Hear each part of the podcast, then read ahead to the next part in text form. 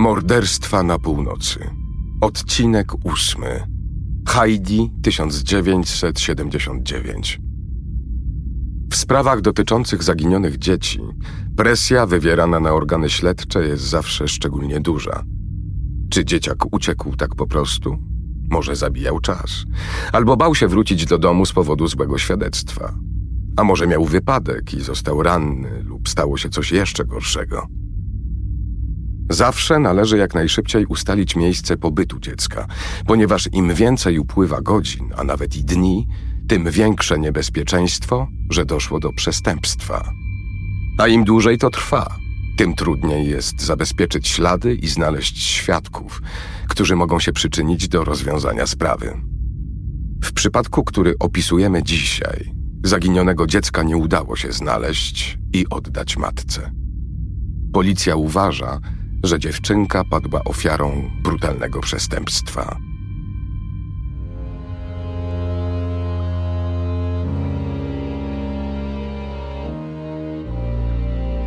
Słuchasz Morderstw na północy. Serii podcastów o kilku z najgłośniejszych przypadków morderstw Skandynawii.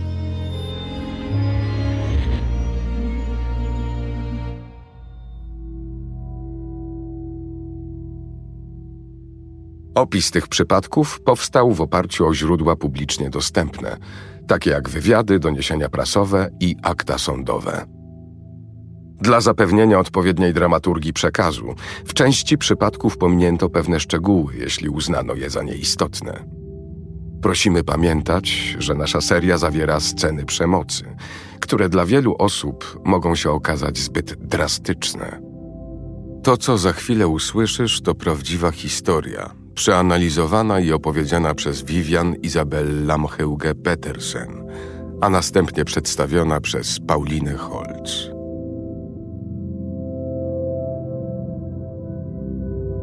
Matka Heidi uważa siebie za złą matkę. Obawia się oskarżenia, że niewystarczająco zajmowała się swoją córką. Waha się więc przed natychmiastowym wezwaniem policji, mimo że Heidi nie ma już od kilku godzin. Nie widzieli jej ani sąsiedzi, ani koleżanki czy koledzy od wspólnej zabawy. Heidi jest dziewczynką, która bez problemu potrafi spędzić kilka godzin buszując po piwnicy. Czasami składa niezapowiedzianą wizytę znajomym z bloku, na przykład kiedy jest głodna. Jest ciekawska i ufna. Podczas gdy niektórzy mieszkańcy uważają takie zachowanie za nieco natrętne, jej sąsiad Kel cieszy się z jej sporadycznych odwiedzin. Heidi spędza u niego dużo czasu, a on staje się dla niej kimś w rodzaju przyszywanego dziadka. Ale w tę niedzielę na pytanie matki dziewczynki, czy wie, gdzie jest Heidi, nawet on nie potrafi odpowiedzieć. Tego dnia Kel jeszcze jej nie widział. Widzi, że matka dziecka bardzo się martwi, on także jest zaniepokojony. Dochodzi dwudziesta. Na zewnątrz już ciemno i dość zimno, a Heidi ma dopiero cztery lata. Tego popołudnia bawiła się sama w piaskownicy na podwórku, wyjaśnia jej mama. Regularnie sprawdzała, czy wszystko u niej w porządku, ale kiedy kwadrans przed szóstą chciała zawołać dziewczynkę na kolację, już jej tam nie było. Od tego czasu minęły dwie godziny. Dziewczynki nikt nie widział. Kiedy Kel sugeruje, by zawiadomić policję, matka Heidi się wzdryga. Obawia się, że zostanie przedstawiona jako wyrodna matka ze względu na to, że pozwala córce bawić się bez nadzoru na podwórku. Twierdzi, że dziecko na pewno niebawem się pojawi. Kel postanawia mimo wszystko zadzwonić na policję w Colin. Wyjaśnia, że czteroletnia dziewczynka z bloku przy Noremarks Waj nie wróciła do domu. Jest niedziela palmowa 1979 roku. W Danii właśnie rozpoczęła się przerwa wielkanocna. Świat z niepokojem śledzi informacje o awarii elektrowni jądrowej Three Mile Island w USA. Szerokim echem w prasie odbija się również upadek reżimu Szacha i powrót cieszącego się sympatią Irańczyków Ayatollaha Khomeiniego. Wiadomości z kraju zdominował zamachowiec z Glaw Zakse, który przez trzy lata siał strach i terror serią zamachów bombowych w okolicach Kopenhagi i właśnie został skazany na pięć lat więzienia. W Kolin, stolicy okręgu Jutlandia Południowa, w wiadomościach pojawią się wkrótce informacje o zaginionej czteroletniej Heidi. Wszystko będzie się kręcić wokół tego tematu. Policja w Colin reaguje w niedzielę wieczorem, natychmiast po telefonie Kela. Bloki mieszkalne przy Noremarks Waj znajdują się na północnych obrzeżach miasta, nieopodal nowego szpitala. Szukając Heidi, policja sprawdza teren z pomocą psów, a nawet przy wykorzystaniu helikoptera. Jest zimno i ciemno. Dziewczynka mogła zabłądzić dosłownie w każde miejsce w okolicy. W nocy teren poszukiwań zostaje rozszerzony. Przeczesywane są też okoliczne jeziora i cieki wodne. Bez rezultatu. Poszukiwania Heidi trwają do samego rana. Jej matka i ojczym twierdzą, że ostatni raz rozmawiali z nią około godziny 16. Na krótko weszła do mieszkania, a potem z powrotem pobiegła na dół. Heidi ma na sobie zieloną kurtkę z czarnymi ściągaczami, sweter w czerwone paski, niebieskie dżinsy, czarne chodaki, okulary i małe złote kolczyki z zawieszkami w kształcie serduszek. W poniedziałek rano policja ponownie rozszerza teren poszukiwań. W przeszukiwaniu zalesionego terenu i kilku wałów ziemnych w pobliżu osiedla, gdzie często bawią się dzieci z najbliższej okolicy, pomagają także mieszkańcy. Kilku świadków donosi policji, że w niedzielę słychać było pisk opon hamującego samochodu. Niektórzy informują też o tępym odgłosie uderzenia. Ale jeśli Heidi została potrącona przez samochód, to dlaczego jej nie znaleziono? W mieszkaniu matka dziewczynki słucha przez cały dzień w radiu doniesień o zaginionym dziecku. Wie, że Heidi mogłaby być łatwą ofiarą pedofila, ponieważ nie przejawia lęku przed kontaktami, nawet z nieznajomymi. Gdyby przyjazny dorosły zaprosił ją do samochodu, z pewnością nie miałaby większych oporów, by do niego wsiąść. Policja podejrzewa, że mogło dojść do wypadku. Wszyscy wierzą, że dziecko musi być gdzieś w okolicy. Dlatego zasięg poszukiwań znów zostaje zwiększony. Jednak z każdą godziną gaśnie nadzieja na odnalezienie dziewczynki żywej.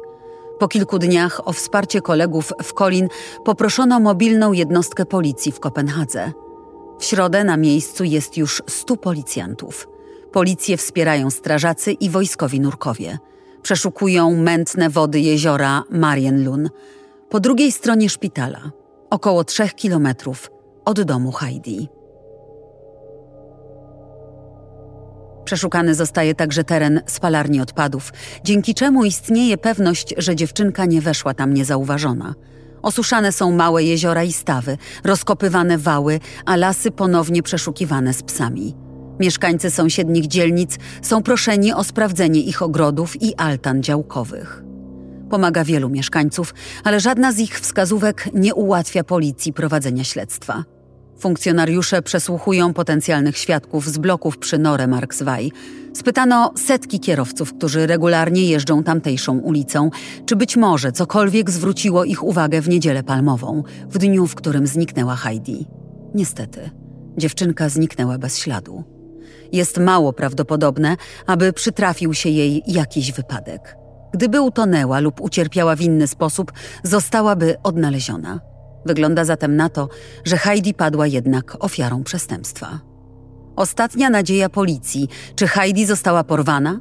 Brzmi nagłówek na pierwszej stronie gazety Colin Folkeblath.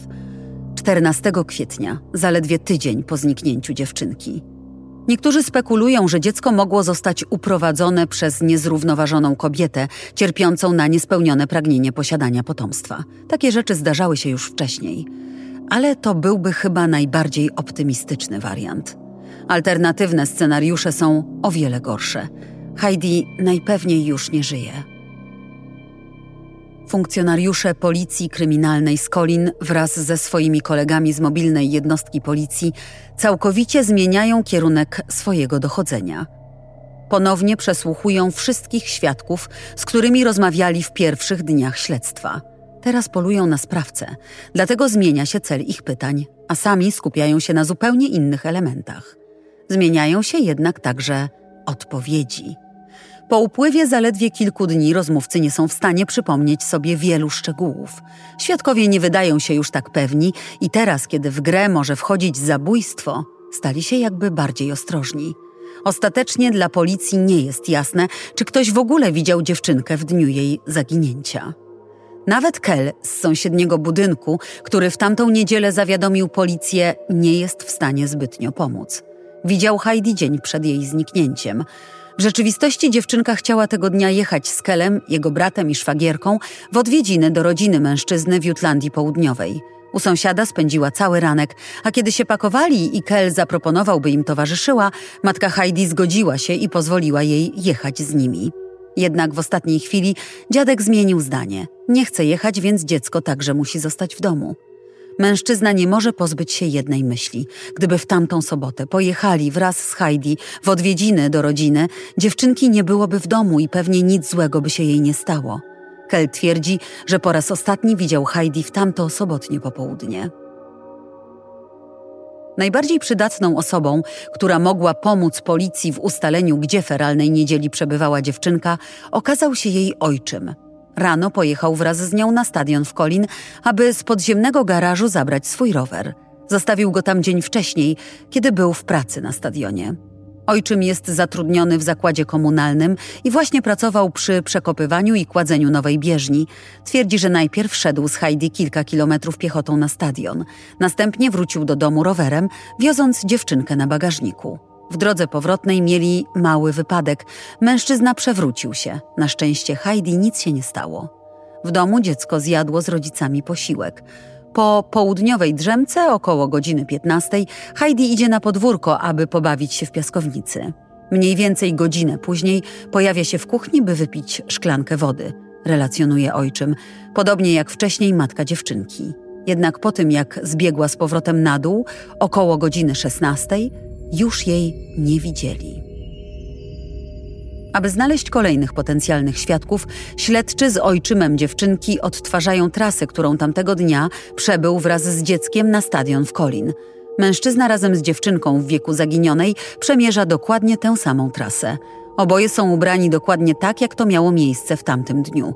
Oprócz śledczych towarzyszy im fotograf, a zdjęcia ukazują się w lokalnych gazetach, aby ewentualnym świadkom pomóc coś sobie przypomnieć. Nikt się jednak nie zgłasza. Od czasu zaginięcia Heidi policja otrzymała od mieszkańców ponad 300 wskazówek i zgromadziła około 500 protokołów przesłuchań, ale nadal nie ma żadnego konkretnego tropu. Wydawało się dziwne, że nikt nie widział tamtej niedzieli dziewczynki i jej ojczyma, ani podczas pieszego spaceru na stadion, ani na rowerze w drodze powrotnej. Kiedy śledczy mogą wreszcie zakończyć przesłuchiwanie ewentualnych świadków w okolicy miejsca zamieszkania dziecka, dostrzegają kolejną dziwną okoliczność. Najwyraźniej nikt w bloku nie widział Heidi ani z ojczymem rano, ani później po południu na podwórku w piaskownicy. Śledczy z mobilnej jednostki policji jako pierwszy wyraża obawy, że ze względu na matkę dziewczynki prawdopodobnie postępowano zbyt ostrożnie.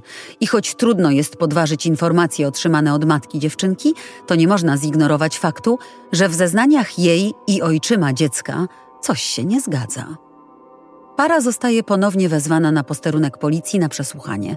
Teraz zostaną osobno poproszeni o szczegółowe przedstawienie wszystkiego, co potrafią sobie przypomnieć z dnia zaginięcia Heidi. Oboje trzymają się wcześniejszej wersji wydarzeń: wyprawa na stadion, obiad i drzemka w mieszkaniu, zabawa w piaskownicy i szklanka wody w kuchni około godziny 16. Kiedy jednak zeznania zostają spisane, a następnie odczytane i podpisane przez matkę dziecka, jeden ze śledczych mówi jej prosto w twarz, że coś w jej wyjaśnieniach się po prostu nie zgadza. Po dwumiesięcznym dochodzeniu funkcjonariusze stwierdzili, że tym, co najbardziej się wyróżnia z ogólnego zarysu wydarzeń, jest historia rodziców. Coś ukrywają. Matka Heidi niespodziewanie robi się blada, mdleje, a kiedy w końcu dochodzi do siebie, zaczyna wymiotować. Teraz przyznaje, że od samego początku kłamała. Prawda jest taka, że tamtej niedzieli w ogóle nie widziała Heidi – w sobotę wieczorem wyszła z koleżanką i wróciła do domu dopiero następnego dnia rano. Jak wyjaśniła śledczym, poszła prosto do łóżka i spała cały dzień. Nie ma pojęcia, gdzie tamtej niedzieli była dziewczynka, ani co wówczas robiła. To jej mąż, a ojczym Heidi, powiedział jej, że mała bawiła się w piaskownicy i że przez chwilę była na górze, aby się napić.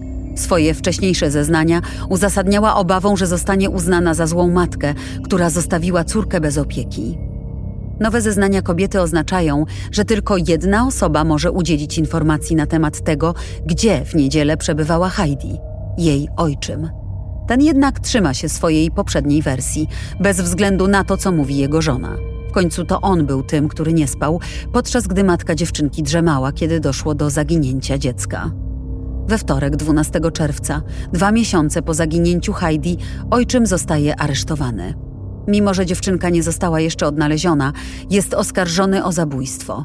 Aresztowana i oskarżona o współudział zostaje także matka dziecka. Oboje twierdzą, że są niewinni. Odbywa się wstępna rozprawa, która trwa 36 godzin. Sala sądowa jest pełna dziennikarzy i zainteresowanych mieszkańców, którzy przez ostatnie dwa miesiące śledzili sprawę zaginionej dziewczynki. Jednak pomimo gniewu społeczeństwa, wszystkich kłamstw oraz uzasadnionych podejrzeń wobec pary, sędzia nie jest w stanie zatrzymać rodziców w areszcie. Aby można było postawić zarzut zabójstwa dziecka, podejrzenie musi być poparte konkretnymi dowodami, a policja do tej pory nie zdołała ich znaleźć. Sędzia orzeka, że oboje na razie pozostaną na wolności. Prokuratura podtrzymuje zarzuty wobec ojczyma Heidi, mimo że został on zwolniony. W dalszym ciągu nie wiadomo także, gdzie jest dziewczynka. Sprawca, który ją uprowadził lub zabił, wciąż pozostaje na wolności. Podejrzenia wobec ojczyma rzucają teraz zupełnie inne światło na jego pracę na stadionie w Kolin. Mężczyzna uczestniczył w rozbiórce starej bieżni i budowie nowej.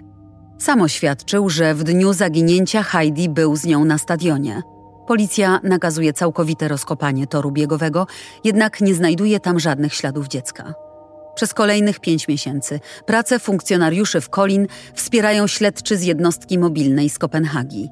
Jednak pod koniec sierpnia 1979 roku sprawa zostaje umorzona, a prokuratura wycofuje zarzuty wobec ojczyma Heidi. Wkrótce matka i ojczym dziewczynki rozstają się. Niemniej jednak wobec mężczyzny nadal istnieją podejrzenia, więc kiedy sześć lat później, w 1985 roku, zostaje postawiony przed sądem za znęcanie się nad dzieckiem, sprawa Heidi błyskawicznie wraca na pierwsze strony gazet.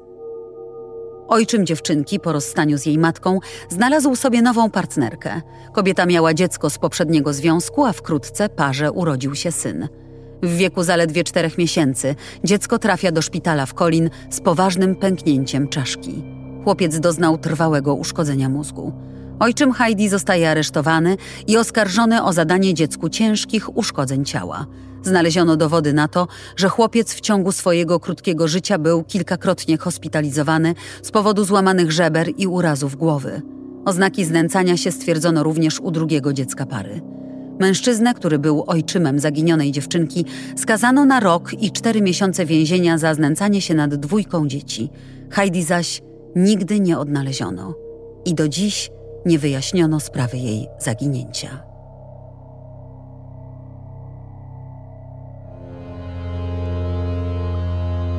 Wersja polska, tłumaczenie i realizacja nagrań Roboto Sound. Czytała Paulina Holz.